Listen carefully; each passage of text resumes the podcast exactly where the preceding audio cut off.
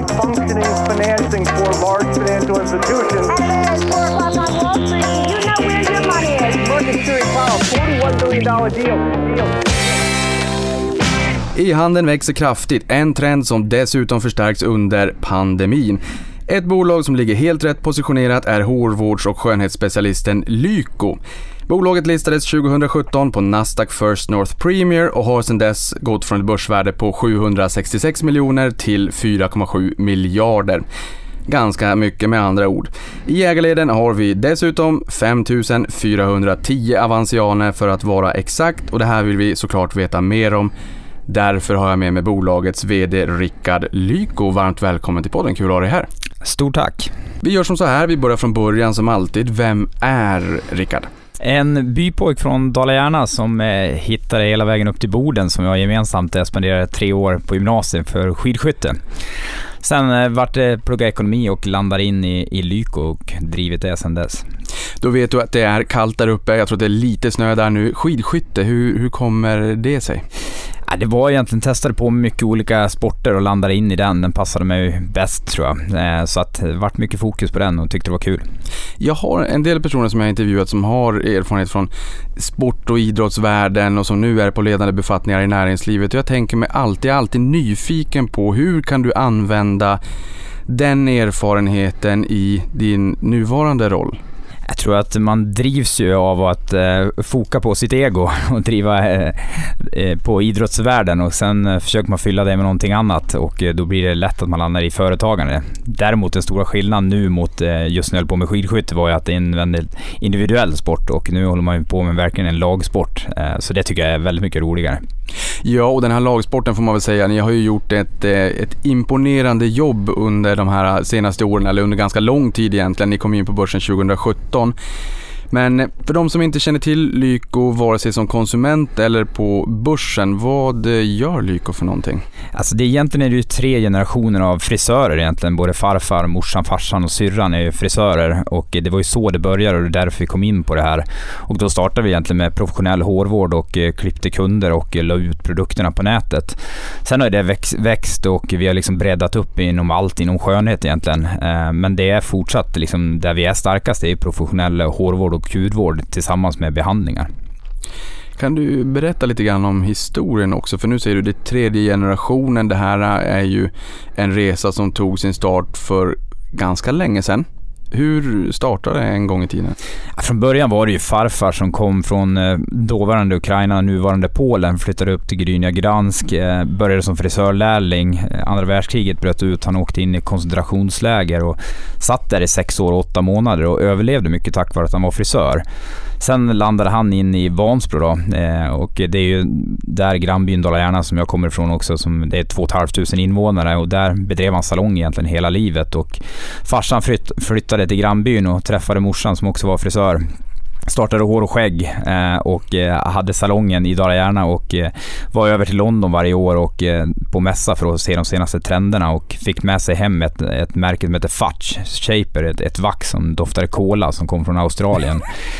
började sälja det på Hår och skägg och under samma tid så vart han intresserad av datorer och skaffade en dator för att checka ut i, butiken och eh, testade att lägga upp en hemsida.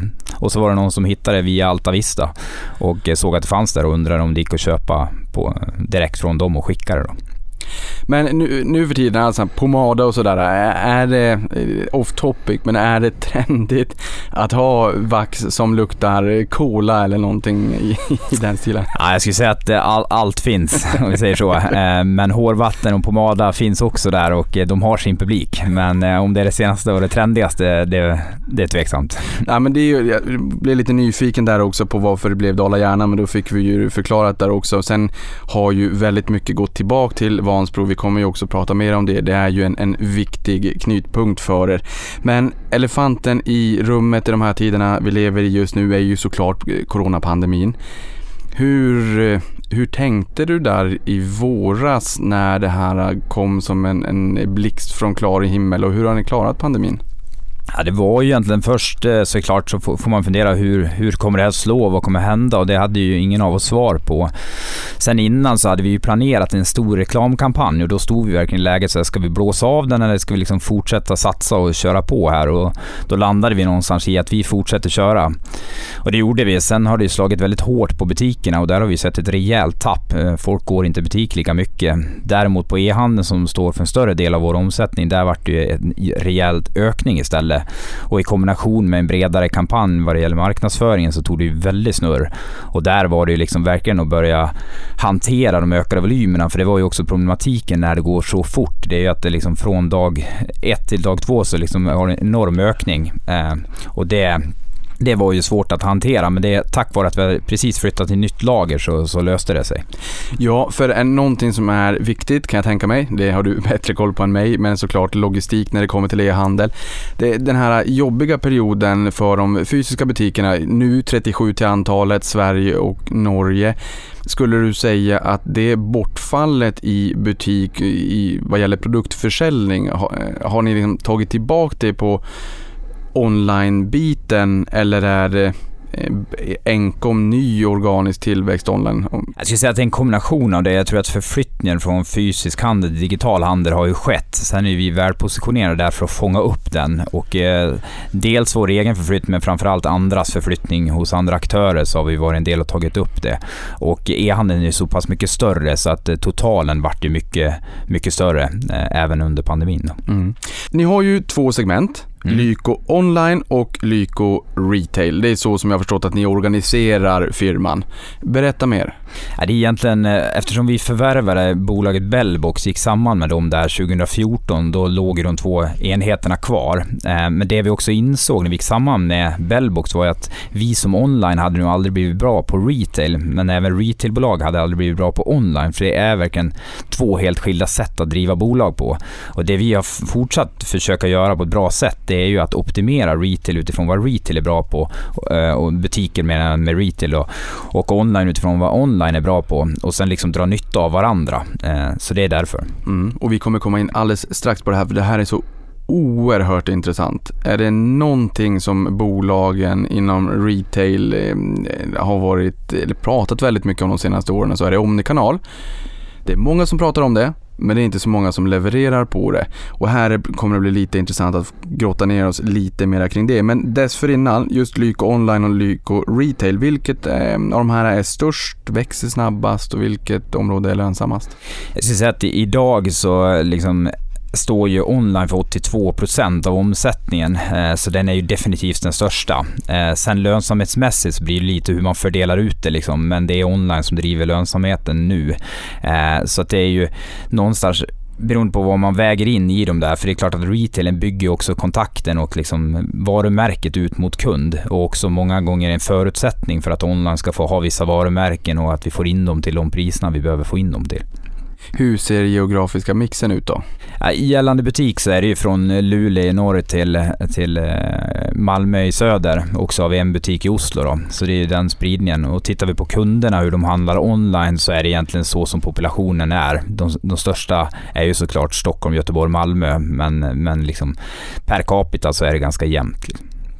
Ja, men jag tycker att det är bra att ni finns i Luleå också, uppe i de där trakterna. En butik eller salong i Norge vad var det som fick, var det liksom en smygstart i Norge när det kommer till den fysiska retail-närvaron? Vad var det som fick er att bestämma er för den här butiken i Norge?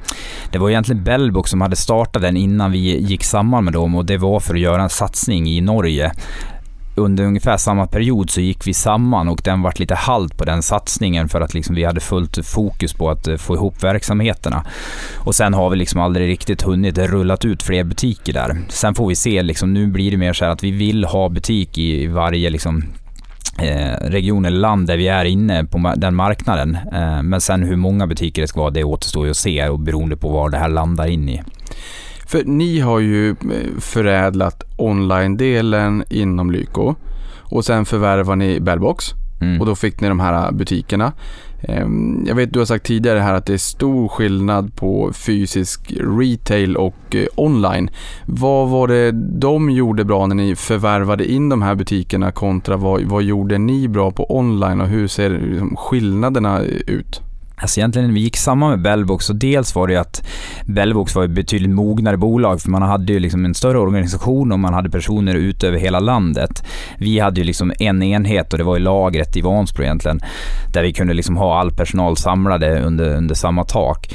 Sen var det ju det att någonstans i retail så behöver du planera upp kampanjer mycket tydligare för du ska trycka material, de ska ut i butik och sådana saker, så man är mycket bättre på det.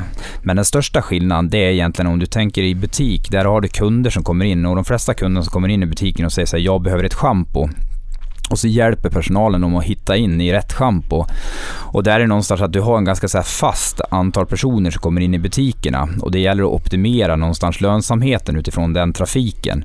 I en onlinevärld så kan du ställa om kampanjerna hela tiden och du har en massa kunder som kommer in och många kommer in om det är en aktivering eller en förbättring eller vad det kan vara där du driver in. Och då gör du någonstans att då får du en större målgrupp. Eh, så det blir liksom helt två eh, olika sätt att liksom optimera sin verksamhet utifrån. Och där liksom måste man ju göra vad retail är bra på i retail och sen göra online bra på vad de är bra på och sen försöka liksom som sagt bygga ihop det där på bästa sätt då.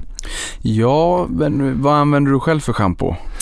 Ja, ofta är det våra egna som vi har tagit fram där det är hög kvalitet och ett förmånligt pris. Så. Det där, jag, jag låter tråkig när jag säger så, det kommer vi också komma in på, den som väntar på något. Er produktförsäljning består av hår-, vårds och skönhetsprodukter som primärt delas in i fyra produktkategorier och tre varumärkessegment.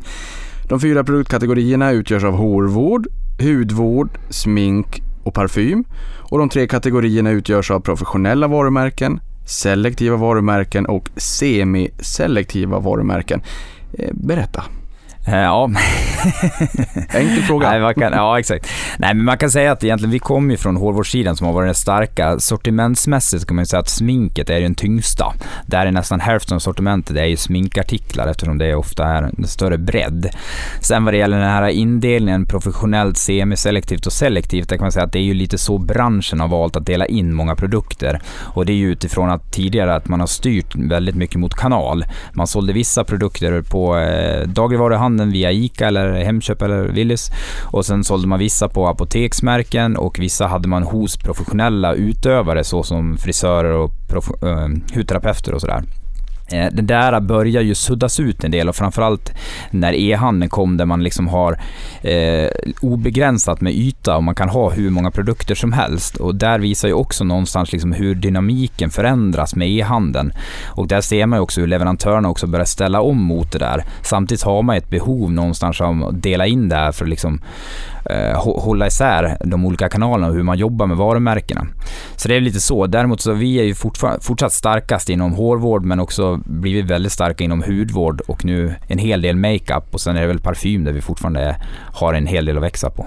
Ja, men jag tänker på det här, parfym har en hel del att växa på. Vad eh, vad är det som säljer bäst där? Jag tänker folk vill väl kanske ändå eh, lukta på parfymerna och se om de luktar gott och sådär. Är det de etablerade starka varumärkena där man vet att de luktar gott eller att man har ett varumärke, man har en parfymflaska, den börjar ta slut, man köper en ny.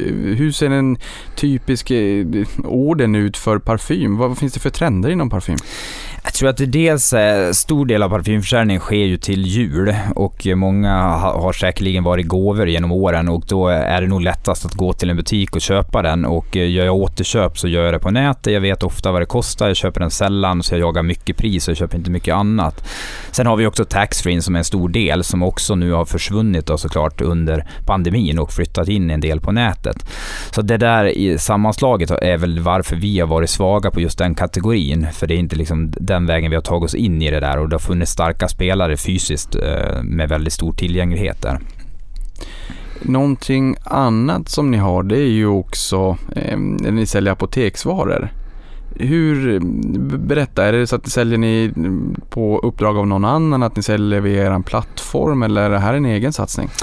Det är en egen satsning att vi har reggat eh, så vi har möjlighet att sälja delar av apotekssortimentet och inte receptbelagt utan eh, det vanliga. Och det är ju framförallt för att komma in på de produkterna inom hudvård som finns på apoteken. För ofta som konsument så förstår jag inte varför just den här dagkrämen inte finns hos oss bara för att det, eh, liksom varumärkena har valt en annan strategi när det gäller den fysiska försäljningen. Och därför har vi liksom reggat oss för att komma åt det sortimentet eftersom vi har en efterfrågan på det. En annan liten intressant detalj är att en kollega till mig på våran korplåda, hon sa Niklas, vad spännande du ska träffa Lyko. Det, jag tycker inte att så många känner till att ni även säljer vuxenleksaker. Det, det, jag tror att det här är någonting som kanske flyger lite grann under radarn. Vad var det som fick er att eh, satsa på det?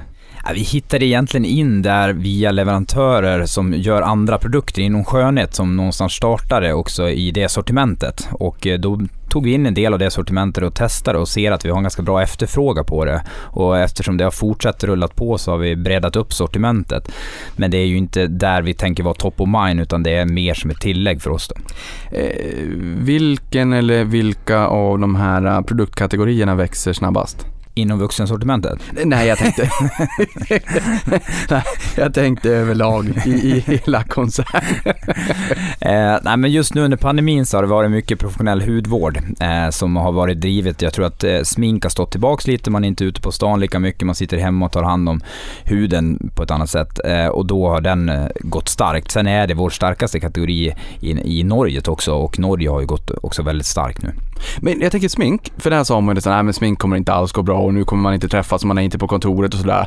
Men sen å andra sidan så är det ju, liksom, man zoomar, det har nästan blivit ett verb, och där vill ju folk se bra ut där också. Um, har ni sett, eh, eller så här, vilken påverkan har ni sett på sminkförsäljningen under det här ganska unika året? Eh, ah, sminket tror jag har gått tillbaka generellt sett lite så här. Sen eh, är vi nog lite för dåliga för att liksom analysera ner på sortimentet exakt för att kunna svara på den frågan. Men, men det är klart att jag tror någonstans att du ser dig själv, vilket du gör i alla de här mötena eh, hela dagarna, gör ju att du blir väldigt medveten om ditt egna utseende och eh, kanske får ett, till viss del fokus på det. Så det skulle kunna driva på det till viss del. Men nej, vi, jag har inte sett någon tydlig trend så att jag skulle kunna liksom, eh, knyta an till det. Online växer ju snabbast, det växer mycket, ni har många kunder där, det genererar ju också väldigt mycket data. Så därför blir jag ju väldigt nyfiken, hur pass datadrivna är ni? Hur optimerar ni den datan som era kunder genererar för att optimera försäljningen? Alltså mycket handlar ju om att hantera och få strukturerad data för att liksom kunna optimera och jobba med algoritmer som liksom någonstans automatiskt förbättrar sig själv. Och det gör vi ju dels liksom vad vi presenterar för produkter för kunderna men också kring vilka erbjudanden vi ger till kunderna. Och vi har ju liksom uppsatt så att varje dag så är det ju aktiveringar mot individuella kunder och jag kan ju inte svara på idag vilka kampanjer går ut imorgon till enskilda produkter eller till enskilda kunder. Eh, och det är någonstans ett ett sätt att personalisera eh, liksom, aktiveringar och, och, kommunikation till kunderna genom datan. Då. Så att eh, på så sätt så är vi väldigt datadrivna inom många frågor. Sen är det vissa frågor där vi verkligen ser till att vi har data, men man måste också vara väldigt medveten om vilken data man inte har. Så att man inte bara tittar på den datan man har. Ja, men det där är ju jätteintressant, just det här när du säger att ni eh, jobbar med att personalisera. För det här är ju en, också en väldigt het trend och det är enkelt att prata om det men, men, det är ju kanske svårt att praktisera på samma sätt som att många har pratat om Omnikanal. Ni har ju uppenbarligen hittat en eh, fungerande strategi när det kommer till Omnikanal. Men tiden är en bristvara, eh, det vet man inte minst när man är småbarnsförälder. Man, någon bara stjäl tiden, tiden tycker inte om en. Hur, hur arbetar ni rent konkret för att personalisera erbjudandet så att, nästan så att Lyko vet vad jag vill ha? Alltså ofta så handlar det ju inte om att veta på individnivå exakt vad, vad det är utan man måste automatisera hela flödena egentligen och se till att liksom både hemsida och liksom mot kunddatabas liksom jobbar automatiskt hela vägen. För att sitta liksom att ta ut data, göra analyser och sen agera på dem manuellt, det blir ju för kostsamt och för, drar för mycket overhead. Utan det man försöker är att se liksom inom vilk, vilken kommunikation och inom vilka kanaler kan vi liksom gå helt automatiserat. För då kan ju algoritmerna verkligen jobba fullt ut och det är då det funkar som bäst. En fråga som dyker upp här det är, ser hemsidan likadan ut för alla användare, kunder som går in på sajten? Nej, det gör den inte, utan eh, vissa paneler och vissa delar av sajten är ju helt anpassat utifrån vilket beteende och vad du har gjort innan. Sen har vi någonting som vi kallar för Lycko Social som man kan förenkla säga är som ett Facebook för, för skönhetsintresserade. Och det loggar du in där och tittar i flödet som har liksom ett flöde som liknar Facebook eller Instagram eller vilket annat socialt social kanal som helst. Så det är klart att där, där känner vi av vilka, vilka inlägg har du sett, vilka har du agerat på. Sen kan vi ju optimera och visa de liksom inlägg du inte har sett eller de du borde vara intresserad av eller troligen är. Och det är klart att där ser ju allas flöden olika ut. Och där vet ju inte vi vem som ser vad och i vilken ordning det kommer utan det är ju en algoritm som jobbar helt utifrån ditt beteende. Men berätta mer, vad är Lyko Social? För det här är superintressant. Jag vet att millennials är största befolkningsgruppen i USA och där gjorde man en studie där de sa att eh, den absoluta majoriteten sa att de hade blivit influerade, påverkade i sociala medier, Instagram i det här fallet, innan ett eh, köp. Och ni har Lyko Social. Det känns jättespännande. Va, vad är det för någonting? Utveckla. Egentligen så är det ju att man, man skapar en transparens kring produkter och agerande. Kunderna kan gå in, logga in, eh, koppla ihop olika produkter och lägga bilder och liksom skriva om vad de tyckte om produkten och hur de använde den och vad den gav för resultat och hur den såg ut och sådana saker. Och så kan man ju någonstans följa andra som gör de här inläggen för att se vad, vad är deras nästa sak de skriver om och sådana saker. Man kan följa varumärken och sådär. Så att det är egentligen någonstans att koppla ihop produkter, skapa nya datapunkter för att liksom kunna förbättra de här algoritmerna och också skapa mer data på produkterna som kan hjälpa kunderna vid nästa köp. Det här är ju väldigt intressant, men hur, hur hittar man, är det här en app eller hur tar det sig uttryck i praktiken? Nej, än så länge har vi inte valt att lägga ner det i en app, men det kan mycket väl komma. Men någonstans så handlar det ju om att skapa engagemang hos kunderna och se att de någonstans får ett värde av att dels dela informationen men också ta del av informationen. Och det är ofta det här liksom att det, det är lätt att bygga de här applikationerna relativt i alla fall, men det är ju framförallt att få engagemanget hos kunddatabasen och liksom få kunderna engagera sig och, och ge sig in i den här communityt. Och där har vi verkligen börjat fått bra fart och det kommer ju upp nya bilder och recensioner flera hundra dagligen liksom. Eh, och det underlättar ju för kunden någonstans, både före köp men liksom också hitta in sortiment och få inspiration kring produkter och också höra vad andra faktiskt tycker om dem. Ja, men, mm, det här är intressant. Berätta mer. Vart hittar jag Lyko Social idag? Ja, men går du in idag på inloggningen liksom, så, så, ser du dem. Ser du första sidan ser du recensioner om det eh, och där kan du gå in, klicka på Lyko Social och så ser du ett flöde egentligen eh, och som du kan scrolla i. Liksom. Men jag tänker mig att den, stör, den största delen av era användare kommer väl från mobilen? Mm. Lyko Social funkar klockrent i mobilens webbläsare. Ja, vi utgår egentligen allt vi gör från mobilen. Sen är svaret att det funkar också bra på datorn. Liksom. Ja. Ehm, för hur, hur ger man människor incitament att dela information? För det här, det, varför jag tycker att det här är så intressant, det är för det här skapar ju stickiness. Mm och, och, det handlar inte om att sälja produkter när, när man går in som kund utan man vill bli inspirerad, man vill se hur andra eh, gör, man vill lära sig. Om Hotels.com vill sälja det här hotellrummet så kanske jag inte bryr mig lika mycket vad hotellet skriver, att allting är fantastiskt och guld och gröna skogar. Utan när jag ser andra användare skriva och lägga upp recensioner, det tar jag till mig kanske lite mer. Här på Lyko Social så delar ju de med sig av det här och skapar den här stickinessen och sen så kommer försäljningen på bara, ja, bara farten. Hur eh, hur ger ni incitament att de här ska fortsätta dela? Finns det någon form av incitament ekonomiskt eller hur ser det ut? Jag tror att eh, det vi har försökt hålla hållit oss borta från är just de ekonomiska incitamenten. För det tror jag är lite som att säga till ett barn som gillar att spela spel, att får de betalt för att spela spelet då är det inte lika kul igen. För då är det ett jobb någonstans. Eh, så det vi försöker göra det är att skapa det där liksom engagemanget i alla fall. Dels genom att man får likes och man får kommentarer från andra användare och man skapar communitykänslan i det mer än att vi trycker på att gör det här så får du betalt för det här. Liksom. Ja, men det är väl jättebra. För i sociala medier, inte minst Instagram, så är det många som gör sponsrade samarbeten. Ibland är det tydligt, ibland är det inte tydligt och sen så är det egentligen eh, av, av pengarskäl som man har lagt upp någon form av reklam etc. Ni eh, har byggt Lyko Social på genuint engagemang från era kunder helt enkelt. Ja, så är det. Eh, du var in på det här lite tidigare och kring egna varumärken och då har jag förstått att ni har egna varumärken. Men eh, hur ser den mixen ut av egna varumärken kontra externa och hur beroende är ni av externa varumärken som eh, dragplåster? Alltså egentligen egna varumärken står för väldigt liten del. Det är mellan 2-3% av omsättningen. Den kommer säkert kunna växa en del men det är fortfarande, den stora massan är ju externa varumärken. Så vi, de är vi ju helt beroende av och det är någonstans där vi tillför ett värde mellan varumärken och konsument. Eh, men idag har vi tusen varumärken och inget varumärke är ju sådär jättestort om man jämför med många andra branscher. Där tittar vi på skobranschen så har vi några få varumärken som är enorma liksom på den marknaden. I skönhetsbranschen så är det en väldigt liksom mycket olika varumärken som, som är väldigt eh, mycket mindre liksom. och det underlättar ju för oss egentligen för att vi kan ju alltid liksom skifta däremellan. Så eh, vi är väldigt beroende av varumärkena men vi har väldigt många olika varumärken. Så man skulle kunna säga att ni är inte jättesårbara om eh, ni skulle tappa en leverantör och, och och eh, riva upp ett samarbete framåt med tanke på att det är eh, en väldigt stor flora med varumärken på plattformen. Ja, nej precis. Och, och de är ju också varierande beroende på vilka länder och vilka marknader vi tittar i också. Så att nej, enskilda varumärken är liksom inte helt avgörande, även om det finns varumärken som är väldigt viktiga såklart. Finns det några varumärken där ute som är väldigt viktiga som ni inte har på plattformen idag men som ni skulle önska att ni hade? Ja, ett, en hel del faktiskt. Eh, vi saknar faktiskt en hel del inom luxury-delen där dels är det till viss del ensamrätter, i andra fall så kommer vi inte åt dem och i många fall så är de på väg in. Vi har lösningar för det. I många fall är de på väg in säger du och ler. Det låter bra. I fjol 2019 så vet jag där EMV som man brukar prata om i dagligvaruhandeln eller egna märkesvaror var där 2,5 procent. Eh, du sa nu, och det har ju nästan gått ett år sedan dess då, du sa mellan 2 och 3 procent. Ehm, och det här kommer kunna växa framåt men kanske inte blir en, en jättestor del. Men jag tänker ändå, hur stort skulle det kunna bli? Vi har ju sett dagligvaruhandeln har gått jättemycket mot EMV.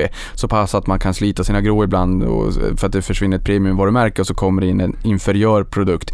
Så är inte fallet här, men eh, hur stor skulle er egen del kunna bli?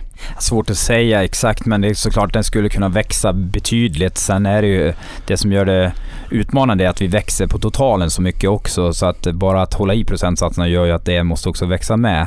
Men det är klart att i dagligvaruhandeln så styr du konsumenten mycket mer och det är klart att har du fyra olivoljor och du tar bort en och byter ut den till private label så kommer du ta en stor del av den, den massan. Eh, det är inte lika lätt i en online online-värld liksom. Eh, men med tiden så tror jag vi kommer kunna flytta en del volym dit. Men men det kommer vara en kombination av det och varumärken. Men vilken produktkategori tror du är mest mottaglig för eh, egna varumärken? Jag tänker mig, jag var in på er hemsida och såg eh, olika kammar. Mm. Och jag skulle absolut inte ha något problem att köpa en Lycokam. Jag tyckte de såg eh, ja, jättebra ut. De, de, de duger för mig. Eh, jag har någorlunda frisyr i alla fall. Eh, och jag menar, de var motsvarade precis det jag ville ha. Det hade, jag hade inte tänkt två sekunder att klicka hem en sån där. Vilken, och jag kan tänka mig också att det är ganska bra marginaler på en kam eh, spontant. Vilka produktkategorier passar bäst för eh, EMV? Jag tror det är precis som du säger, där att det finns ju kategorier där man inte är så varumärkesberoende utan man mer försöker hitta en lösning. Sen är utmaningen att du måste komma upp i tillräckliga volymer för att det ska vara värt för oss att tillverka. Och det är klart att ska vi göra en batch på 10 000 eller vad det kan vara och just i kammar så säljer vi inte så stora volymer så du är inte säker att det, det spelar in så mycket. Så det är lite den liksom kombinationen av de sakerna. Men, men i kategorier, precis som du säger, där det inte är så viktigt, liksom man är mer ute i en funktion, där tror jag att det lämpar sig väldigt bra. Vi ska lämna den här frågan i och med att den är marginaliserad. Det är, den är inte jättestor idag, men, men den kan ändå växa. Även om den skulle sjunka i procentuella tal för att det andra växer ännu snabbare så växer den väl i absoluta tal. Så hur eh, lönsam skulle du säga att den här eh, idag väldigt lilla kategorin är? Den, den ligger på en högre marginal än vad de andra produkterna gör, men det är ju den, behöver ju komma upp i volym för att det ska göra skillnad på totalen. Sen, eh, sen har vi ju en hel del elverktyg, vilket har ju en högre marginal än vad andra elverktyg har, men kanske en något lägre marginal än vad totalen har. Så, så det är lite kombinationen av det där. Eh, men för att den ska göra riktig skillnad så behöver den komma upp i ännu mer volym, ska jag säga. Ni anser ju att de fysiska butikerna spelar en viktig roll, inte minst varumärkesstärkande. När man går förbi de här så blir man påmind om ert varumärke. Eh, och eh, ni kommer påminner också om att kunderna ofta rör sig mellan era försäljningskanaler, både det fysiska och online då. Och här lyfter ni fram det faktum att, er omnikanalsmodell erbjuder en helintegrerad kundupplevelse. Berätta, vad betyder det i praktiken? Ja, men det, det betyder ju många gånger att när vi träffar kunden och liksom kan få en längre kontakt med en kund. Det är ju, går man in i butik så spenderar man kanske 5-10 minuter där. Går man in online så kanske man stannar 3 minuter eller någonting. Och det är klart att då bygger vi mer relation och framförallt i en butik där du har fler liksom, vad heter det, senses. Du har både känslan och du upplevelser vilka vi är och hela den biten så, så bygger du starkare varumärke. Men med det sagt så i många av de länder vi gett oss in i nu som Finland och Danmark och nu i Europa också så där har vi inga butiker och där är det ju en ren online-del. Och i, i Norge där vi har en butik men vi liksom är, sträcker oss över hela Norge så, så det är klart att vi ser ju att om strategin fungerar, eh, det gäller ju fortfarande att kunna försvara kostnaden för butikerna kontra allt annat. Eh, och än så länge så ser vi ju att det går att hitta en lönsam väg där och för många fall så är varumärkena så är det en viktig väg in på marknaden för att liksom hitta in till nya kunder. För det är ju svårare online att liksom presentera helt nya produkter och försöka sälja in dem. Så i det fallet så tror jag liksom att kombinationen där, hittar man bara att mäta dem på rätt sätt och också se till att man liksom har kostnadstäckning för, för var de är. Och det är ju det som någonstans blir avgörande nu att se vad går retailen tillbaks till. Eh, vissa butiker ser vi fortsatt gå bra liksom, eh, och där ser man ju liksom att flödena förändras. Men det kommer att finnas eh, center som förmodligen går betydligt sämre och då, då är det inte försvarbart. Nej men för jag tänker här, det är ju inte bara så att ni har online-delen där ni säljer exakt samma saker som i butiksdelen. För att ni har ju även salonger. Så det är ju, ni jobbar ju både med produkter och tjänster. Och tjänsterna kommer ju aldrig någonsin att kunna flytta in online. Å andra sidan så kommer ju tjänsterna alltid vara konkurrensutsatta och barriärerna för att öppna ytterligare en eh, frisörsalong, en frisörstol är ju låga. Det här är ju en bra mix. Vad, ehm, vad händer när, har ni click and collect exempelvis? Ja men det har vi och du kan ju gå in i butiken och få hjälp och få leverans till butikerna via Instabox-skåpen som vi har i butikerna och sådär. Eh, så det är en viktig del i det. Sen ser vi också att vi försöker hitta samarbeten även med externa frisörer för där vet vi ju någonstans att de bygger en efterfrågan när de presenterar produkterna till kunderna. Och precis som våra frisörer gör, eller våra hudterapeuter, är ju att i behandlingarna, också en förlängning av behandlingarna är de produkterna du tar med dig hem och använder. Och där skapas ju mycket av efterfrågan om man bygger varumärkena. Hur viktigt är det för en frisör att eh, sälja med ett schampo eller ett vax för hela lönsamheten på det här kundbesöket? Jag tror att en vanlig frisör så är det liksom en addering. Det är liksom någonstans är det ändå grundaffären är, är behandlingarna. Sen har det funnits butiker som har varit väldigt mycket mer fokuserade på försäljning. Men de är väl de också som kanske tappar nu i första läget väldigt mycket till e-handeln. Eh, så de tror jag det är viktigt för, men vanlig frisören tror jag det är liksom mer av en addering.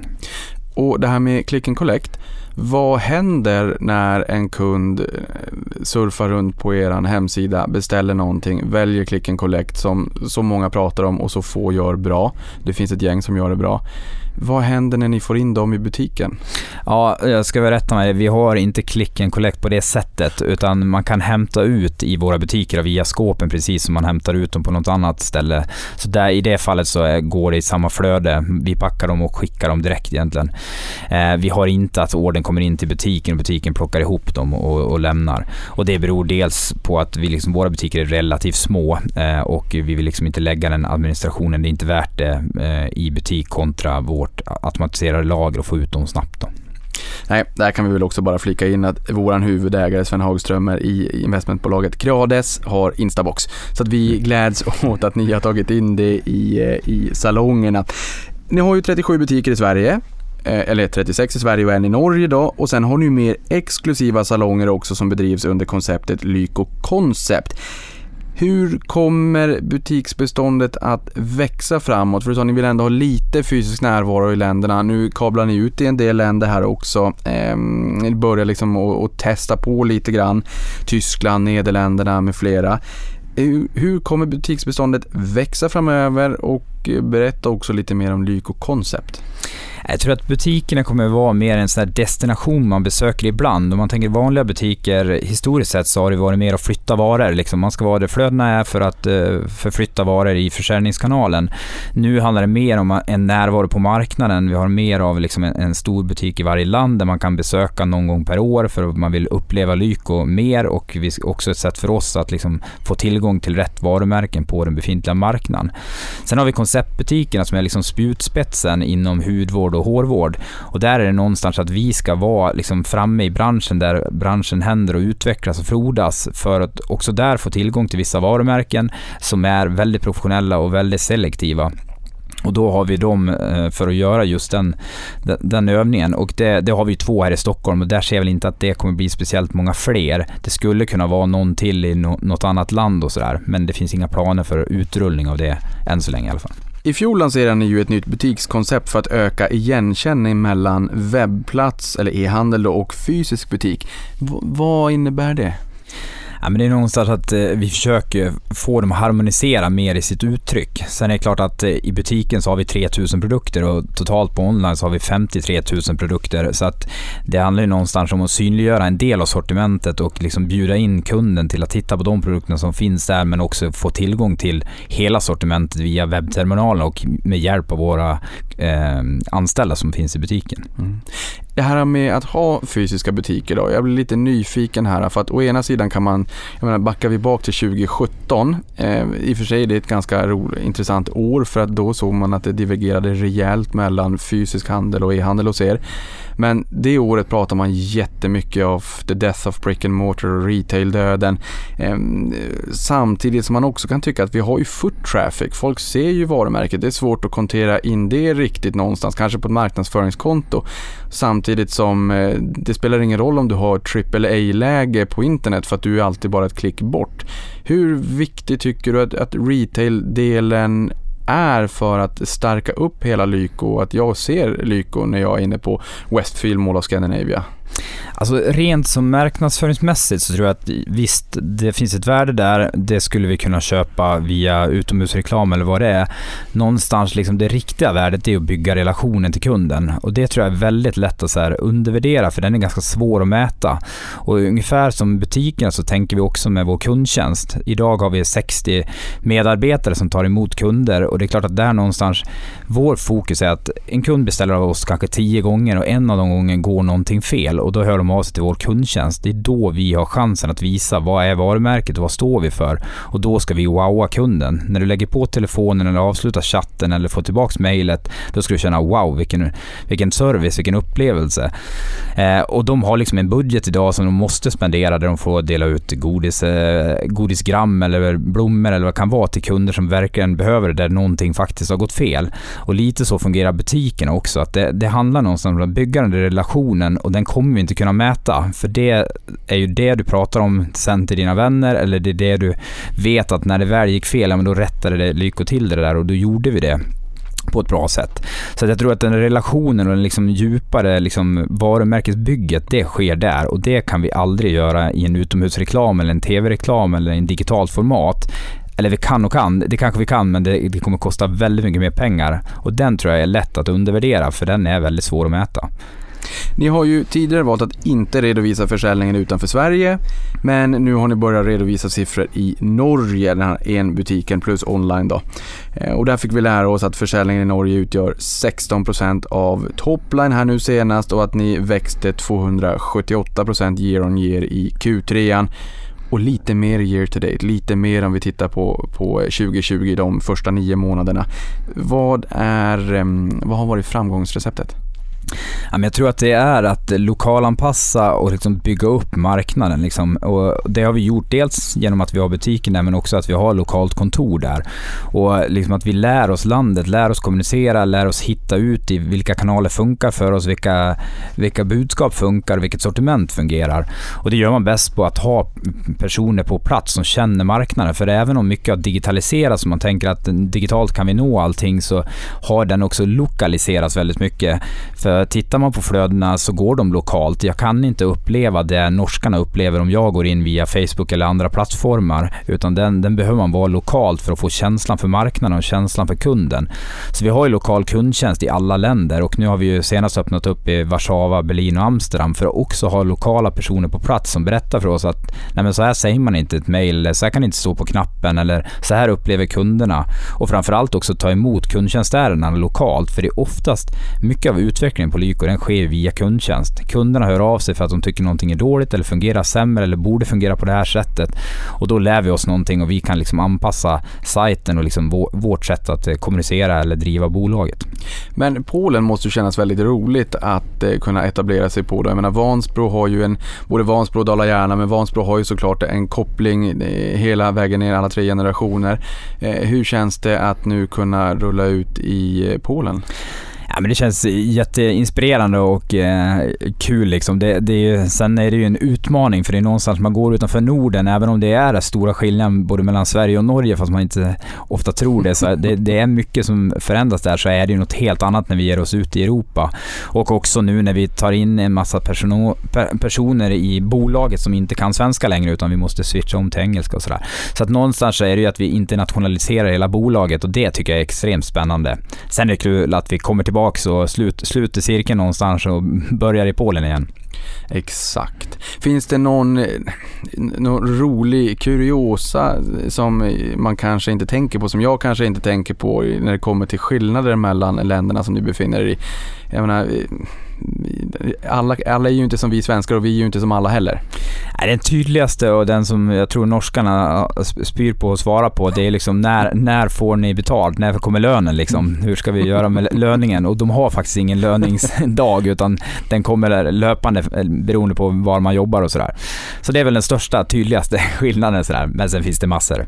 Ja, den har jag också förstått. Jag lärde mig det för ett antal år sedan precis, att de har inte 25 och vi har ju i Sverige 25, 26, 27. Vissa har två veckors lön men det är väl väldigt ovanligt. Men just det där att inte veta när lönen kommer, att bolaget lite, lite själv bestämmer, det, eh, det, det, känns konstigt för, för oss som är vana att det, man är kung i baren den 25 eller så sparar man och investerar pengarna eller en mix om man nu vill. 2018 införde ni att kunderna kan hämta beställningar via Instabox som du eh, berättade om här nyss i butikerna, så inte den rena Omni-kanalen. Fast man kan väl ändå prata om någon form av Omni-kanal även om man får kanske vänta eh, någon dag extra. Man kan ju inte hämta det på två timmar. Men det kommer dit. Kommer det snabbt? Ja, men det gör det. Vi har hämtningar en tre gånger per dag så att det, i många fall så är det frågan om timmar senare. Timmar senare, men det är bra. Då, då är ni ändå på Omnispåret. Och i början av 2019 införde ni provision för frisörerna om kunden handlar online upp till tre dagar efter behandling. Det här är ju rätt intressant. Jag menar, i, vårt, i det största bolaget eh, inom det här skrot någonstans i handel, kläder, är ju Hennes Maurits. De hade det ganska tufft för när de satsade på e-handel, vilket alla har varit tvungna att göra. Eh, för man hade butikschefer i butiker som tappade försäljning till online och där i backend så tillföll inte onlineförsäljningen butiken och sen så vart det internpolitik. Det här kan bli en typen av problem för många bolag och det finns legacy och sådär. Jag får ju känslan av att den legacyn inte finns här och att ni, eh, frisören faktiskt får, får ersättning eh, upp till tre dagar efter. Vad var det som fick er att, att införa det? Nej, det är ju egentligen det här vi varit inne på, hur man bygger relation till kunden och liksom vilken påverkan det får. Och där är det ju att vi vet att frisören introducerar många gånger produkterna till kunderna, men kunderna kanske behöver fundera lite på den innan man kommer till avslut. Och eh, då tycker vi att det är inte mer än rätt att den liksom provisionen tillfaller frisören. Och därför har vi liksom infört det här, för då kan vi liksom automatiskt se kopplingen mellan ett köp och en behandling. Och eh, har då kunden varit i salongen, gjort behandlingen, fått introduktion till produkten och man i det fallet inte köper köper dem och sen går man hem och beställer dem tre dagar senare och vi vet att det var de produkterna som, som frisören liksom hanterar eller har i, i den butiken, då kan vi göra den kopplingen. För eh, när du säger frisörer, ehm, hur ser fördelningen ut där? Egna salonger, egna behandlingar eh, och eh, att man då klipper sig också kontra externa samarbeten med externa frisörer? Ja, vi har några, sen har vi inte rullat ut eh, liksom brett, men det är ju egentligen att de använder vårt bokningssystem och då får vi ju en datapunkt när den behandlingen utfördes och då kan vi också göra den kopplingen och eh, också betala ut den provisionen. Det här bokningssystemet, eh, man ska, man ska akta sig för att använda buzzwords, det ska vi inte göra, men ett buzzword eh, har ju blivit SAS, eh, Software as a Service. Ehm, det här bokningssystemet som ni har, är det ett system där ni kan hjälpa, jag menar, frisör-Sverige är ju fragmenterat. Det finns väldigt många frisörer, man kanske är egenanställd, man driver ett eget och sen så har man en stol och så klipper man. Ehm, om man vill använda det här bokningssystemet då för att förenkla bokningar, eh, då kan man få det levererat av er mot en månadsslant?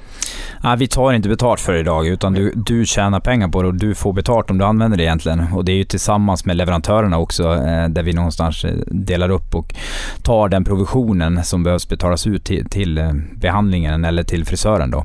Men nej, det är gratis, så det kan man använda. Så det är ingen, ingen SAS-lösning än i alla fall i, i det, det avseendet. Men någonstans handlar det också om vart vi lägger resurserna och liksom vart vi rullar ut och för att det här ska bli större så behöver vi fokusera mer på det och rulla ut och än så länge så har vi haft andra projekt som har varit mer prioriterade. I senaste rapporten utgjorde ju Lyko Online 82,8% av topline medan Lyko Retail utgjorde 17,2%. Eh, och det var ju eh, större skillnad än eh, 2019, det vill säga förra året då. Online har växt kraftigt på bekostnad av Lyko Retail. Förmodligen så är det väl så att, eh, nu har det varit tufft pandemiår, men att båda växer över tid, men kanske att online då växer snabbare. Om vi blickar tillbaka till 2017 så var de ju ganska jämbördiga. Sen så drog ju online ifrån rejält. Vad var det som hände just 2017? Det var egentligen att vi slutade rulla ut mycket fler butiker. För retailbutiker hamnar ju, om, om du ska ha en bra tillväxt där så måste du öppna nya dörrar. Du kan ju växa en del organiskt men det tar ju någonstans stopp. Och det är någonstans där man ser också med e-handeln är ju en helt annan skalbarhet. Det är klart det fanns skalbarhet även i retail om du bara fortsätter rulla ut mer butiker. Men om du inte vill göra det så e-handeln har en helt annan skalbar, skalbarhet och det är någonstans det vi bygger in i alla delarna i, i Lyko att vi ska kunna skala skala verksamheten ytterligare för att kunna bli ett mycket, mycket större bolag. Och det är ju en förutsättning för att klara av den här tillväxttakten som vi har. Så det ska vi säga var anledningen och det gör ju också att eftersom vi inte öppnar butiker på så pass länge så är många av de här kontrakten börjar ju rulla ut eh, och då har vi ju möjlighet att vara ganska snabba på att liksom förflytta butiker eller stänga butiker och öppna nya butiker eller hur vi vill göra med dem. Ehm, för när kontrakten rullar ut då har man, ju, har man den möjligheten. Går det att säga någonting hur stor del av de här 37 butikerna som eh, levererar tillfredsställande kontra hur många som har lite mer utmaningar att jobba med? Ja, men vi har haft några på watchlisten sedan tidigare. Sen är det klart, nu får vi se vad som händer efter pandemin eh, och det hänger mycket på hur centren någonstans utvecklas där. Eh, men det är klart, sen finns det bättre och sämre butiker såklart. Eh, och sen har vi butiker nu som ligger på norska gränsen som har väldigt drabbade av pandemin förstås när man har stängt igen gränserna och sådär. Men de som då går lite sämre som har varit på watchlist skulle man kunna tänka sig att de får en, en skjuts, en renässans bara genom att flytta lokation när kontraktet går ut? Att man kanske har hittat, identifierat något annat läge som känns lite bättre? Ja, det beror ju eh, utifrån fall till fall såklart, men det finns ju center där vi känner att det här är ett bra center om vi hade legat på rätt plats och sådär. Så ja, jo, så är det. Absolut. En förutsättning för framgångsrik e-handel är ju logistik och i februari sjösatte ni ert högteknologiska och högautomatiserade lager i Vansbro. Hur viktigt var det här för er? Eh, vi tyckte att det var väldigt viktigt eh, och framförallt var det helt avgörande när pandemin slog till och tillväxttakten ökade ytterligare. Men det var ju någonstans det vi förberedde oss på också, att liksom bygga in ytterligare ska, skala i det här och också effektivisering såklart kostnadsmässigt genom att automatisera delar av flödet. Eh, så det, det funkar, funkar, väldigt bra och nu håller vi på att ta ett beslut om att bygga ut den ytterligare. Så det kommer vi börja med här i början på januari. Vad innebär egentligen högteknologiskt och högautomatiserat lager i praktiken? Man kan säga att eh, när produkterna kommer till lagret så lägger vi ner dem i lådor. Sen rör ingen produkterna förrän de plockas ut och ska till en order. Så all förflyttning av produkterna in i lagret är ju automatiserat och det var ju innan så var det väldigt mycket människor som jobbade med det. Sen var vi ju, vi gjorde flytten här i början på året och eh, vi var fler efter flytten på grund av tillväxttakten som blev en, än vad vi var innan. Så att det blev inte färre personer men det var färre personer per order som, som lämnade lämnade lagret också. Det, precis, det låter väldigt skalbart och det låter som att ni har effektiviserat upp verksamheten. Jag har förstått också att det här, den här flytten tillsammans med alla kollegor så gjorde ni det möjligt på tre dagar. Ja, det var ju en riktig big bang där eh, som vi gjorde och det är ju någonstans, det är det som är det häftiga och sen det man ska ha med sig här som skiljer oss mot många andra branscher är ju också att vi har extremt låga returgrader. Så under 1% kommer ju tillbaka så det är ju det som också är skönt när man går in i sådana här högtider att vi vet att alla paket som går iväg de kommer inte sen tillbaks några veckor senare utan de, de förblir utlevererade. Ja men det här är ju en oerhört viktig fråga för det här har ju alltid varit ett huvudbry i, inom eh, e-handel. Både det ska vara fri frakt, det ska vara låga priser, man är konkurrensutsatt och det är prisjämförelsesajter och sen har man höga returgrader. Jag vet i Tyskland, det tror jag, nu tar jag mig lite gift på det, men jag tror att det är lagstadgat två veckors returrätt. Det här är ju liksom en väldigt bra poäng värd att stanna vid en sekund. Ni har alltså väldigt låga returgrader på de produkterna som ni säljer idag. Ja, jag tror att till viss del ett branschfenomen, lägre returer i vår bransch kontra kläder eller vad det skulle vara. Men även i, i branschen mätt så har vi väldigt låga returer. Och det tror jag har mycket med att göra att vi liksom har byggt upp mycket data på produkterna, man vet vad det är man köper. Och sen är det klart att produkterna i sig, har du börjat använda dem så kan du inte skicka tillbaka dem för då är de förbrukade. Så det är ju det som gör att det är branschspecifikt, det är också låga returer. Och sen har man Lyko Social som man kanske också har sett eh, andra eh, som man följer inspireras av använda produkten och sen så kanske man lite grann vet vad man kan förvänta sig.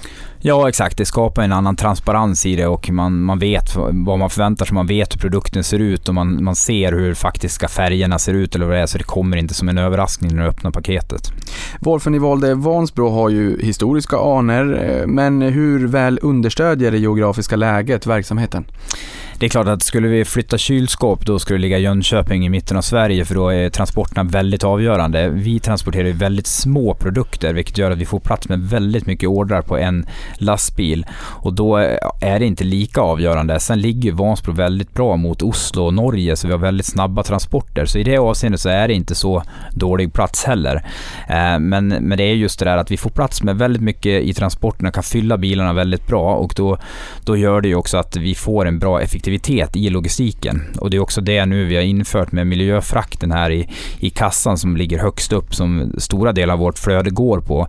Den bygger ju också på att kunden kan vänta någon dag extra om det så krävs för att fylla bilarna ytterligare för att få upp effektiviteten. Och det kan jag tänka mig, det är ett sätt som ni då jobbar med hållbarhet. Eh, hur tar det sig uttryck i övrigt? Nej, men det är någonstans, vi ser ju över var gör vi störst påverkan. Dels är det ju liksom att synliggöra att kunden kan göra rätt val av produkter, vilket påverkar ju eh, tillverkningsledet, vilket är våra liksom, eh, varumärken som vi säljer och de har ju kanske den största påverkan på produktmässigt. Sen i vårt fall, så det vi kan påverka väldigt mycket är ju liksom flödena ut från lagret till konsument och där har vi liksom prioriterat då miljöfrakt i kassan för att få förflyttningen dit och, och göra det till det mest attraktiva erbjudandet för kunden och där har vi också sett att det har skett och de stora flödena har flyttat dit. Hur, nu sa du här tidigare också att ni har tagit ett beslut att ytterligare utöka och bygga ut eh, det här lagret i Vansbro. Men hur mycket kan ni växa innan ert nya lager börjar slå i taket för fullt kapacitetsutnyttjande? När vi bygger ut nu så dubblar vi kapaciteten i lagret eh, och sen är det klart att efter det då behöver vi bygga ut byggnaden också. Men det finns ju gott om plats i Vansbro så det, det ska inte vara något större problem. Nej, för jag tänker nu har, säljer ni ju varor för, eh, eller era totala intäkter har väl varit en miljard i fjol. För mm. första gången någonsin får man gratulera. Ja. En och en halv miljard rullande 12 månader. Mm. Ska väl omsätta 10 miljarder till när då? Ja, 2028 har vi kommunicerat. 2028. Klarar ni av med, med dagens utbyggda lager som blir en fördubbling då att leverera på 10 miljarder 2028? Nej, det gör vi inte. Härligt. och vi kommer förmodligen inte ens eh, vilja ta allt därifrån. Om det är så också att vi skulle växa mycket i Europa så behöver man ju liksom mer lokalt där. Men fram till vissa volymer så är det mest effektiva att, att jobba allt därifrån och, och någonstans eh, göra det enklare att hålla allt på ett och samma ställe. För 1 oktober så genomförde ni ju en flytt till domänen lyko.com och lanserade lokala sajter i Tyskland, Nederländerna, Polen och Österrike. När du säger här ytterligare ett eh, lager eller kanske flera stycken, det beror på hur mycket ni växer såklart och växer det gör ni ju. Var tror du att la, lager nummer två skulle kunna landa? Svårt att säga. Vi, vi måste utreda den frågan mer, eh, men någonstans i Europa såklart. Eh, sen exakt vart det är vet jag inte riktigt, men, men logistik handlar ju någonstans om volym och flöden. Liksom, så kommer det upp i volym så är det försvarbart att ha fler än ett lager och eh, skapa en ökad effektivitet. Egentligen. Vi kommer, vi hoppas snart tillbaka till det här nya lagret igen, men, men eh, i och med att vi nu då kom in på tassemarkerna, de här nya geografiska marknaderna, berätta. Nej men någonstans så gör vi ju en slow start som vi gillar att göra. Det är att vi flyttar ner och eh, startar upp kontor, börjar anpassa sajt och översätta och sådär och sen vart efter vi har fått produkter översatt så testar vi att köpa trafik och letar ut vart vi hittar lönsam trafik och sen bygger vi från det. Vilket gör ju att vi hinner och får en mer lokal anpassning och sen när vi är rätt satt där så kan vi alltid trycka på gasen och eh, driva mer trafik och köpa mer marknadsföring. Så hur stor investering är det när ni går in i ett Tyskland eller Nederländerna eller Polen för den delen? Alltså risken egentligen är ju de tre personerna som vi anställer och sen är det klart en del tid, men framförallt nu på utvecklingssidan, men just nu är vi ju förberedda för att skala det ytterligare, så liksom addera ett land till senare, det är liksom väldigt liten sak för oss. Eh, sen är det mer när vi börjar investera i marknadsföringen i befintliga länderna, det är då det börjar kosta pengar. Inte? Mm. Om vi hoppar tillbaka till lagret här också så säger ni ju i er rapport att det nya lagret kan bidra till långsiktig lönsamhetsförbättring och stärkt konkurrenskraft. Och det är klart, vi förstod ju här nyss att det är ju väldigt lite handpåläggning från kollegorna i flödet eh, under, under liksom tiden det här förpackas i, i, på lagret. Samtidigt så eh, brukar man ju säga att automatisering och robotisering och allt vad det är kommer att ta våra jobb ni är som, som du var in på, ni är fler kollegor nu än innan så att här har ni ju faktiskt skapat sysselsättning också. Även det kommer vi in på, ni är ju största arbetsgivare i Vansbro. Men den här långsiktiga lönsamhetsförbättringen och stärkta konkurrenskraften, eh, kan du utveckla det lite grann? Ja, men med liksom volymen så, och bygger man in skalbarheten i det där så blir det en effektivisering och det är klart att eh, robotarna tar ju jobb här såklart för vi, vi gör ju ett mer jobb på mindre människor. Så på så sätt är det så även om det blir fler tjänster i Vansbro eftersom vi växer så extremt. Eh, så att det, det bygger en skalbarhet i det och desto mer volym vi får desto mer effektivisering får vi och desto mer kostnadsbesparing blir det där. Så att eh, den kommer ju fortsätta liksom skala. Många pratar ju om ett, eh, ett stort eh, hopp liksom in digitaliseringen etc. här under pandemin, även inom hälsovårdssektorn självfallet. Tror du att det, att det efter den här pandemin, nu när väldigt mycket trafik trycks upp mot e-handel, att det är ett nytt normalt läge för er? Eh, ett lyko före och ett lyko efter pandemin? Ja, men jag tror ju att det är en ny målgrupp som hittat ut. Den äldre målgruppen har ju hittat ut på nätet i en helt annan utsträckning och jag tror att eh, eftersom pandemin varit så ihållande så har man ju hittat in i ett nytt beteende. Man har kommit in i att börja handla delar av sin konsumtion på nätet och det tror jag kommer fortsätta även om en del av den så kommer ju gå tillbaka till en retail, men, men det är ju en ny, ny vardag tror jag det är, en ny retail eh, liksom standard och den kommer att vara lägre. Och för de som vill handla i vanlig traditionell retail, då finns ni ju där också. Eh, ni pratar om er tillväxtstrategi, växer, det gör ni ju. Ni har ju självfallet en strategi också och här pratar ni om tillväxt på befintlig marknad och geografisk expansion och utveckling av egna varumärken och det är plattform och det är kunderbjudande, varumärkeskännedom och butiksnätverk. Guida oss igenom det här. Nej, men jag tror att det, det viktigaste att tänka det är så här, vi ska, vi ska liksom skala verksamheten och ska skala upp hela bolaget och eh, det sker en förflyttning till det digitala liksom flödet. Men där man ska komma ihåg att på befintlig marknad, än så länge, framförallt inom vår bransch, så har ju inte så många butiker stängt. Och det är klart, butikerna tappar lite i omsättning, den flyttar online och där är vi bäst positionerade på att fånga upp den. Men det är någonstans när butikerna stänger, då flyttar hela flödet till online. Och det är lite den vi har sett till viss del i pandemin, där liksom butiken någonstans har stängt eller att man har åtminstone dragit ner på trafiken kraftigt och då ser vi en, en rejäl ökning till onlineflödena och då de som är rätt positionerade där fångar det flödet. Och där tror jag den största förflyttningen har vi ju inte sett än och den kommer ju komma här inom några år och är man då rätt positionerad i marknaden så kommer man ju vara där och fånga upp de flödena. Men då gäller det också att vara förberedd på det. För det vi ser nu också under pandemin, det är ju hur retail eh, aktörer får ökade flöden i deras onlineaffär men har inte möjlighet att ta hand om det utan det blir längre leveranstider och sämre service. Och det är därför också många e-handelsspelare lyckas fånga upp det på ett helt annat sätt för man är där man har satt upp sin verksamhet skalbart och man kan bara skala upp när flödena ökar. Ja, men det här är oerhört, oerhört intressant. Du säger att den största förflyttningen förmodligen inte har skett än. Eh, det här eh, året har väl varit ett wake-up call för de som inte har varit speciellt duktiga på e-handel och haft det lite grann vid sidan som man ska bocka av och det är klart att vi ska finnas där. Eh, det går ju inte att säga någonting annat men, men i år har det ju varit kritiskt för många att faktiskt ha en en e-handel och inte bara ha en e-handel. Den ska också fungera, den ska leverera, det ska vara smärtfritt, man ska ha den där känslan av omnikanal, att det ska vara liksom sömlöst. Där har ni ju uppenbarligen lyckats. Ni står fortsatt redo att ta ännu mera volymer. Jag tycker att det är intressant att du säger att den största förflyttningen inte har skett ännu. Vi kommer självfallet också komma in på total adresserbar marknad och hur hög penetrationen faktiskt är i Sverige. Men dessförinnan så är jag lite nyfiken på tillväxtresan framåt eh, och från 1,5 miljard då, rullande 12 månader upp till 10 miljarder 2028. Det är, det är ganska mycket. Ni kommer få växtverk, ni kommer ha nya lager. Men kommer den här resan främst vara organisk eller kommer den även att kunna vara förvärvad?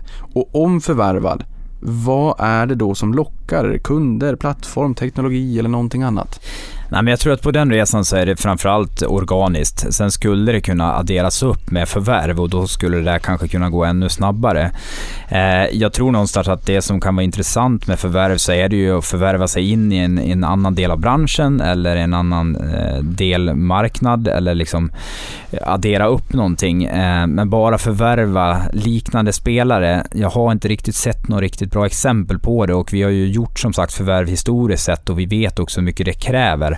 Och eh, har man en kraftig organisk tillväxt så tror jag att i många fall att man liksom har störst utväxling av att fokusera på den. Men vi har gjort förvärv där vi har liksom gått in och fått en annan liksom sortimentsbredd och sådär. Vi förvärvade en parfymeria från Coop Värmland där vi kom åt vissa varumärken som vi inte hade tillgång till tidigare och sådär. Och då ser man ju hur det adderar till affären verkligen och liksom skyndar på den förflyttningen och sådär som, som vi gör.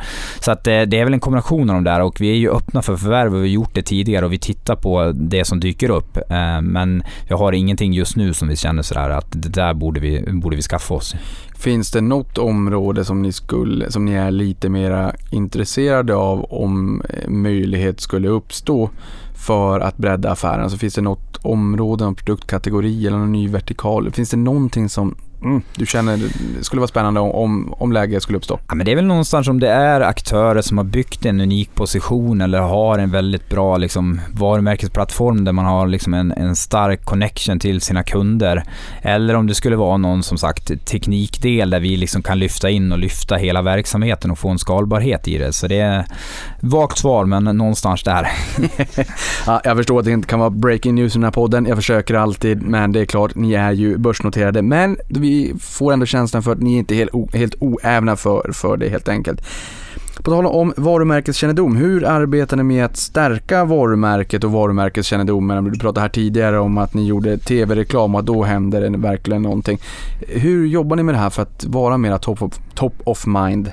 Ja, men det är ju till viss del så är det någonstans att flytta upp pengarna upp i kanalen som bygger mer varumärken och det är ju ofta i sådana större, bredare format. Svårare att mäta, men att våga ibland att liksom lyfta pengarna från där det är väldigt mätbart, senaste klicket, senaste visningarna och sånt där. Det är klart att där ser vi ju datan och kan räkna på det exakt. Men långsiktigt så är det just att våga göra i de här större formaten som ofta blir billigare i längden. Samma sak som när vi investerar i butiker eller investerar i kundtjänst, vilket också är en del av varumärkes uppbyggnaden liksom, och i, i leveranserna. Det är ju liksom all, allt man, man möter eh, bolag mot konsumenten är ju där man bygger varumärke. Eh, men någonstans att, att göra större format, att eh, våga liksom prata om vilka vi är och berätta det för konsumenten för att bygga, bygga ett varumärke liksom mer långsiktigt. Vilka skulle du säga är era främsta konkurrenter? Det beror på lite hur man ser det, men det är klart att de vi tittar mycket på som är stora inom vår nisch idag så är det ju Douglas eh, som kommer från Tyskland som är extremt stora liksom ute i Europa och sen har vi Sephora som är en enorm spelare internationellt. Så det är väl de två vi ser liksom vi kan plocka störst volymer från i, i långa loppet. Och vad skulle du säga är de största vallgravarna eh, för att hålla konkurrenterna stångna? Eh, men det tror jag är att vi liksom tappar momentum och att vi inte fortsätter utvecklas och växa som bolag och liksom eh, någonstans eh, jobba med organisationen och liksom se till att vi bygger in skalbarhet i affären så att vi slår, slår knut på oss själva. Någonting som jag tänker är intressant här, och förutom det så vill jag också säga, jag kommer tillbaka till det igen, men jag tycker verkligen att det är bra att ni satsar på exempelvis Lyko Social för att skapa stickenessen och någon, någon form av Eh, fanskara bland era kunder också. Det, det ska inte underskattas. Det är så enkelt att säga och det är så svårt att göra. Det är som eh, vi på Avanza skickar ut en grattishälsning när man fyller år. Eh, det, det, kostar en slant att göra den där varje år och det tar tid och energi men det är så uppskattat. På samma sätt, det, alla kan säkert göra någon form av social satsning men det är väldigt få som gör det. Så det tycker jag också är bra att skapa stickiness från, från kundernas sida kan jag tänka mig. Ni menar ju att er verksamhet har höga inträdesbarriärer och eh, att de produkterna som ni säljer inte kommer att finnas på ett ICA, Axfood eller Coop. Jag tycker att det här är en jättebra poäng. Kan du förklara lite grann varför kommer vi inte hitta dem där? Varför är inte de ett hot mot er? Ja, men någonstans handlar det för varumärkena måste ju bygga varumärken. Det vi säger någonstans att vi ska vara bra på så är det ju att bygga varumärken åt varumärkena. Det är klart att om du bara är ute efter funktion, ja men då är det billigast att gå till ICA och köpa schampot. Eh, och det är klart att vissa produkter där som är mer specialiserade, mer liksom optimerade utifrån kund och också starkare varumärken, de behöver ju också någonstans bygga sitt varumärke och de kommer ju välja vilka kanaler som gör det bäst. Det är klart att eh, om de här stora varumärkena skulle finnas i var och varannan butik, de skulle inte sälja något mer, utan de skulle bara spä ut sin liksom, omsättning på väldigt många ställen. Eh, så det tror jag är viktigt och där vi måste se liksom, hur kan vi tillföra ett värde till de här varumärkena för att de ska fortsätta bygga varumärke ut mot slutkonsument. Eh, och på det sättet så är jag säker på liksom att de varumärkena aldrig kommer att gå för en bred distribution för de är inte tillräckligt breda i sig. Eh, och de har ju liksom ett behov av att differentiera sig från de andra kanalerna. Eh, och på det sättet så blir det svårt för liksom så väldigt breda aktörer att liksom ge sig in i den marknaden. Så om vi backar tillbaka till eh, produktförsäljningen då, där ni hade fyra produktkategorier och tre varumärkessegment. Eh, så att segmenten är här professionella varumärken, selektiva varumärken och semi-selektiva varumärken. Så att de här selektiva kommer vi aldrig se i en dagligvaruhandel. Nej, jag tror att eh, selektiva varumärken har ju ett behov, som sagt, att bygga varumärken. Om de aldrig kommer dyka upp i dagligvaruhandeln, vissa av dem där kommer göra förflyttningar. Och eh, exempel på det är ju som sagt Lancome eller Bioterm eller Eh, eller de här, och de kommer ju inte att ha det behovet av en sån bred distribution och de har ju heller inte behovet av att alltid finnas nära till hands. Det är klart att eh, säljer jag en dryck som Coca-Cola eller någonting, ja då är distribution helt avgörande för att eh, du som konsument kommer inte gå 500 meter längre för att köpa den och då måste jag finnas där. I de här fallen så är det produkter man inte köper så ofta och man har, har en stark liksom, connection till dem och då behöver man inte den breda distributionen. Eh, på tal om att gå 500 meter längre, det kanske många eh, borde, det är lite friskvård men man kanske inte vill. Finns det någon möjlighet för, jag menar som en kund som köper, man kan inte kalla det för basvara, men man vet väl ungefär hur länge schampo räcker eller hur länge pomadan räcker eller vad det kan tänkas vara. Har ni liksom repetitiva ordrar i dagsläget så att man vet att man får en viss batch av produkter som man vill ha en gång i kvartalet eller sådär? Nej, vi har inte den prenumerationsmöjligheten eller har inte valt att utveckla den ännu och vi ser inte riktigt att mönstret ser ut så utan man, man mixar och man vill någonstans liksom botanisera när man köper det. Sen finns det såklart konsumenter och kunder som absolut skulle kunna tänka sig att göra den men vi än så länge har bedömt att den inte är tillräckligt stor för att vi ska liksom prioritera upp det, den sorters utveckling. Så 55 000 produkter på sajten, det finns alltså möjlighet att gå in och botanisera och, och rota runt när det är dags igen att beställa någonting nytt. Kanske en del av halva nöjet. Nu har ju Amazon gjort sitt intåg i Sverige. Den här frågan har du fått mycket kan jag tänka mig. Hur ser du på intåget? Jag tycker att det är ju ett enormt intåg, en enorm spelare som gick in med 150 miljoner produkter eh, och de kommer ju hitta liksom delar i liksom det sortimentet som kommer att funka bra. De är ju inte jättebra på att vara en specialist. De är enormt duktiga på att vara en stor generalist och ibland väldigt duktiga på pris på enskilda produkter. Och på enskilda produkter så tror jag absolut att det vid vissa tillfällen kommer kanske kunna märka av det, men i stora hela inte liksom. Eh, det är inte riktigt samma kunder vi slåss om, eller i alla fall inte i samma köpmönster när man liksom fokuserar på skönhet och är intresserad av dem. Jag tror personer som är väldigt ointresserade av det och bara ute efter funktion och bara ute efter en produkt som köper annat från Amazon skulle absolut kunna tänka sig att köpa den delen av skönheten på Amazon precis som man gör idag på Zalando eller Boost eller H&M eller Lindex som alltid har haft en del av skönhet. Men just att vara top of, top of mind inom den kategorin tror jag inte att de kommer att vara speciellt bra på. Nej, och det är intressant det med generalist och specialist. Hur ser en typ Lyko-kund ut? Ja, men det är någonstans eh, idag en kvinna mellan 25 och 55 kanske eller något om vi håller hyfsat brett liksom. Eh, även om den har breddats upp ytterligare nu under, under pandemin också. Eh, men det är väldigt brett spann där eftersom vi har så enorm bredd på sortimentet. Eh, men det är väl den som är lite mer skönhetsintresserad, lägger lite mer tid på, på eller pengar på skönhet liksom som letar sig ner i de här varumärkena som vi tillhandahåller. Mm. Eh, vilka skulle du säga är de största utmaningarna framåt för er? Nej, men det tror jag är någonstans i det här läget är det att internationalisera, få upp volymerna i de andra länderna och liksom fortsätta digitalisera och optimera affären eh, och, och växa oss till ett större bolag. För det är klart att ska vi ta det från en och en halv miljard till 10 miljarder, det är inte samma nycklar som vi använder och ta oss hit som vi kommer att använda för att ta nästa steg. Utan det gäller att fortsätta orka utvecklas och orka växa som bolag och organisation. Ni har ju en ambition om att alltid ligga i framkant vad gäller nya koncept och samarbeten. Ni har suddat ut gränserna lite grann mellan online och eh, retail i salongerna. Ni har Instabox, ni ger provision till frisörerna tre dagar efter om kunderna går hem och beställer det hemma. Mycket sånt som ni visar att ni faktiskt menar allvar med att, att eh, sudda ut de här gränserna och, och stärka det här omnikanalserbjudandet. Och Utöver det så har ni ju Lyko Live, Lyko Social som vi har pratat om och bokningssystemet Lyko Booking som vi också har varit in på. Vad gäller Lyko Live, för det är det enda som vi inte har pratat om hittills, ehm, så är ni först i Norden med live-shopping inom hår och skönhet. Berätta. Ja, dels har vi Lyko Live, sen har vi något som heter Testa Live också, där du någonstans använder din mobilkamera och applicerar produkter på och sådär. Eh, men däremot Lyko Live är någonstans där vi skapar ett format eh, som eh, vi pratar om produkter och interagerar med konsumenten. För någonstans den stora skillnaden på, på live kontra att spela in en produktion som man, man kör upp på YouTube eller någonting är ju att man kan interagera direkt, kommentera och påverka innehållet.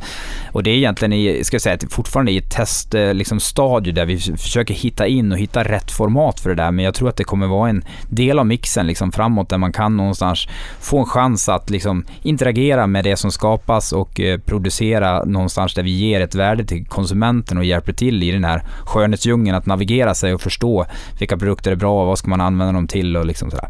Är det många som använder det? Är det många som har hittat till det? Eh, nej, men vi har ett ganska bra liksom, engagemang och liksom, tittare. Sen är det klart att det är fortfarande relativt nytt tror jag, så att konsumenten behöver lära sig att förstå det här också. Och sen kanske man behöver komma in i ett repeat-beteende liksom, beteende där vi liksom hittar formatet liksom, som ska sättas. Så att det är fortfarande early days ska jag säga. Ni har ju även ett lojalitetsprogram som heter eh, Klubb Lyko.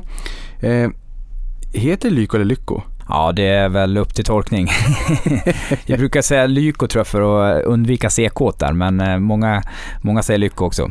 Berätta, det här lojalitetsprogrammet då som är, eh, berätta, nu, nu säger jag inte, nu uttalar jag inte mer. Berätta eh, mer om det och hur arbetar ni med kundlojalitet? Ja, men det är väl ett sätt att någonstans differentiera olika nivåer av kunder och beroende på hur mycket du handlar och sådär så får du lite olika erbjudanden men du kan också få lite bättre fraktalternativ gratis och sådär om du är en trogen kund. Men sen samlar du också poäng som någonstans skapas en värdecheck som du kan växla in mot produkter. Då. Så, så det är väl egentligen att eh, någonstans ge tillbaka till våra mest trogna kunder. Eh, låt oss titta på de finansiella målen också. Tillväxt är ett av dem. Där är ju ert mål att på medellång sikt växa totala intäkter med i genomsnitt 15 till 20% årligen. Och på lönsamhetsbiten så är målet att på lång sikt uppnå en ebitda-marginal om 10% det vill säga före av och nedskrivningar då. Eh, och före effekter från IFRS 16. Vill du kommentera det? Eh, IFRS 16 vill jag inte ge mig in i, i detalj, men någonstans är det väl att säga att det, det är ju att hitta ut en, en bra lönsamhet någonstans eh, i, i det gamla måttet mätt. Då. Eh, eh, så att det är väl egentligen att kunna ha en lönsam tillväxt. Det är väl egentligen det vi har hållit på med sedan vi startade och det är det vi vill fortsätta göra för att liksom kunna hitta en, en långsiktig liksom, sätt att driva bolag på där vi fortfarande tjänar pengar men också kan fortsätta växa. Ja, så om man ska sammanfatta de här finansiella målen, eh, växa eh, rätt kraftigt. 15 20% är kraftigt. 15% fördubblar omsättningen vart femte år. Ehm, och sen så har vi lönsam tillväxt då helt enkelt också. Och här så passerade ni ju en miljard i omsättning i fjol och rullande 12 månader så har ni presterat imponerande 1,5 miljarder. Så då, det vittnar ju om att eh, omsättningstillväxten är, är ganska rejäl. I senaste kvartalet växte omsättningen med 40,3% year on year med draghjälp av online som växte 67,8% och så Norge som vi pratade om tidigare som växer väldigt kraftigt. Kan tänka mig kanske från låga nivåer men fortsatt växer väldigt kraftigt. Men då blir man ju vän av ordning också lite nyfiken på hur stor är den adresserbara totala marknaden och hur länge kan ni växa så här kraftigt? Jag tror att den adresserbara marknaden är ju enorm och bara i Sverige så är den ju väldigt, väldigt mycket större. Och tittar man på en sån spelare som Matas i Danmark som omsätter runt slängar nästan 7 miljarder och skulle man applicera det på svenska marknaden så är det ju över 10 miljarder bara genom att ha samma liksom, omsättning per capita. Och då pratar vi om en spelare och de är ju inte ensamma på danska marknaden även om de har ett stort grepp där och liksom rullade ut det sen på en europeisk nivå så att nej, det finns enormt mycket att växa på. Tittar vi på Douglas som omsätter, tror jag, någonstans mellan 36 eller 38 miljarder och jag tror Sephora är väldigt mycket större. Eh, så att det finns en enorm att växa på där, en enorm marknad att växa på där och då har ju vi ändå ett mycket bredare sortiment. Så att eh, jag tror att där finns inte begränsningarna utan begränsningarna är att liksom rulla ut det här, vara top of mind hos konsumenten och fortsätta bygga varumärke och eh, vara liksom det bolaget som ger ett värde till kunden och eh, är bryggan mellan kunden tills den hittar produkten och, och tillför ett värde i den kundresan. Ökad onlineförsäljning, låga returgrader och högautomatiserat lager. När når ni lönsamhetsmålet om 10% ebitda-marginal? Ja, vi säger ju på eh, eh eh med, sikt tror jag väl vi uttrycker det.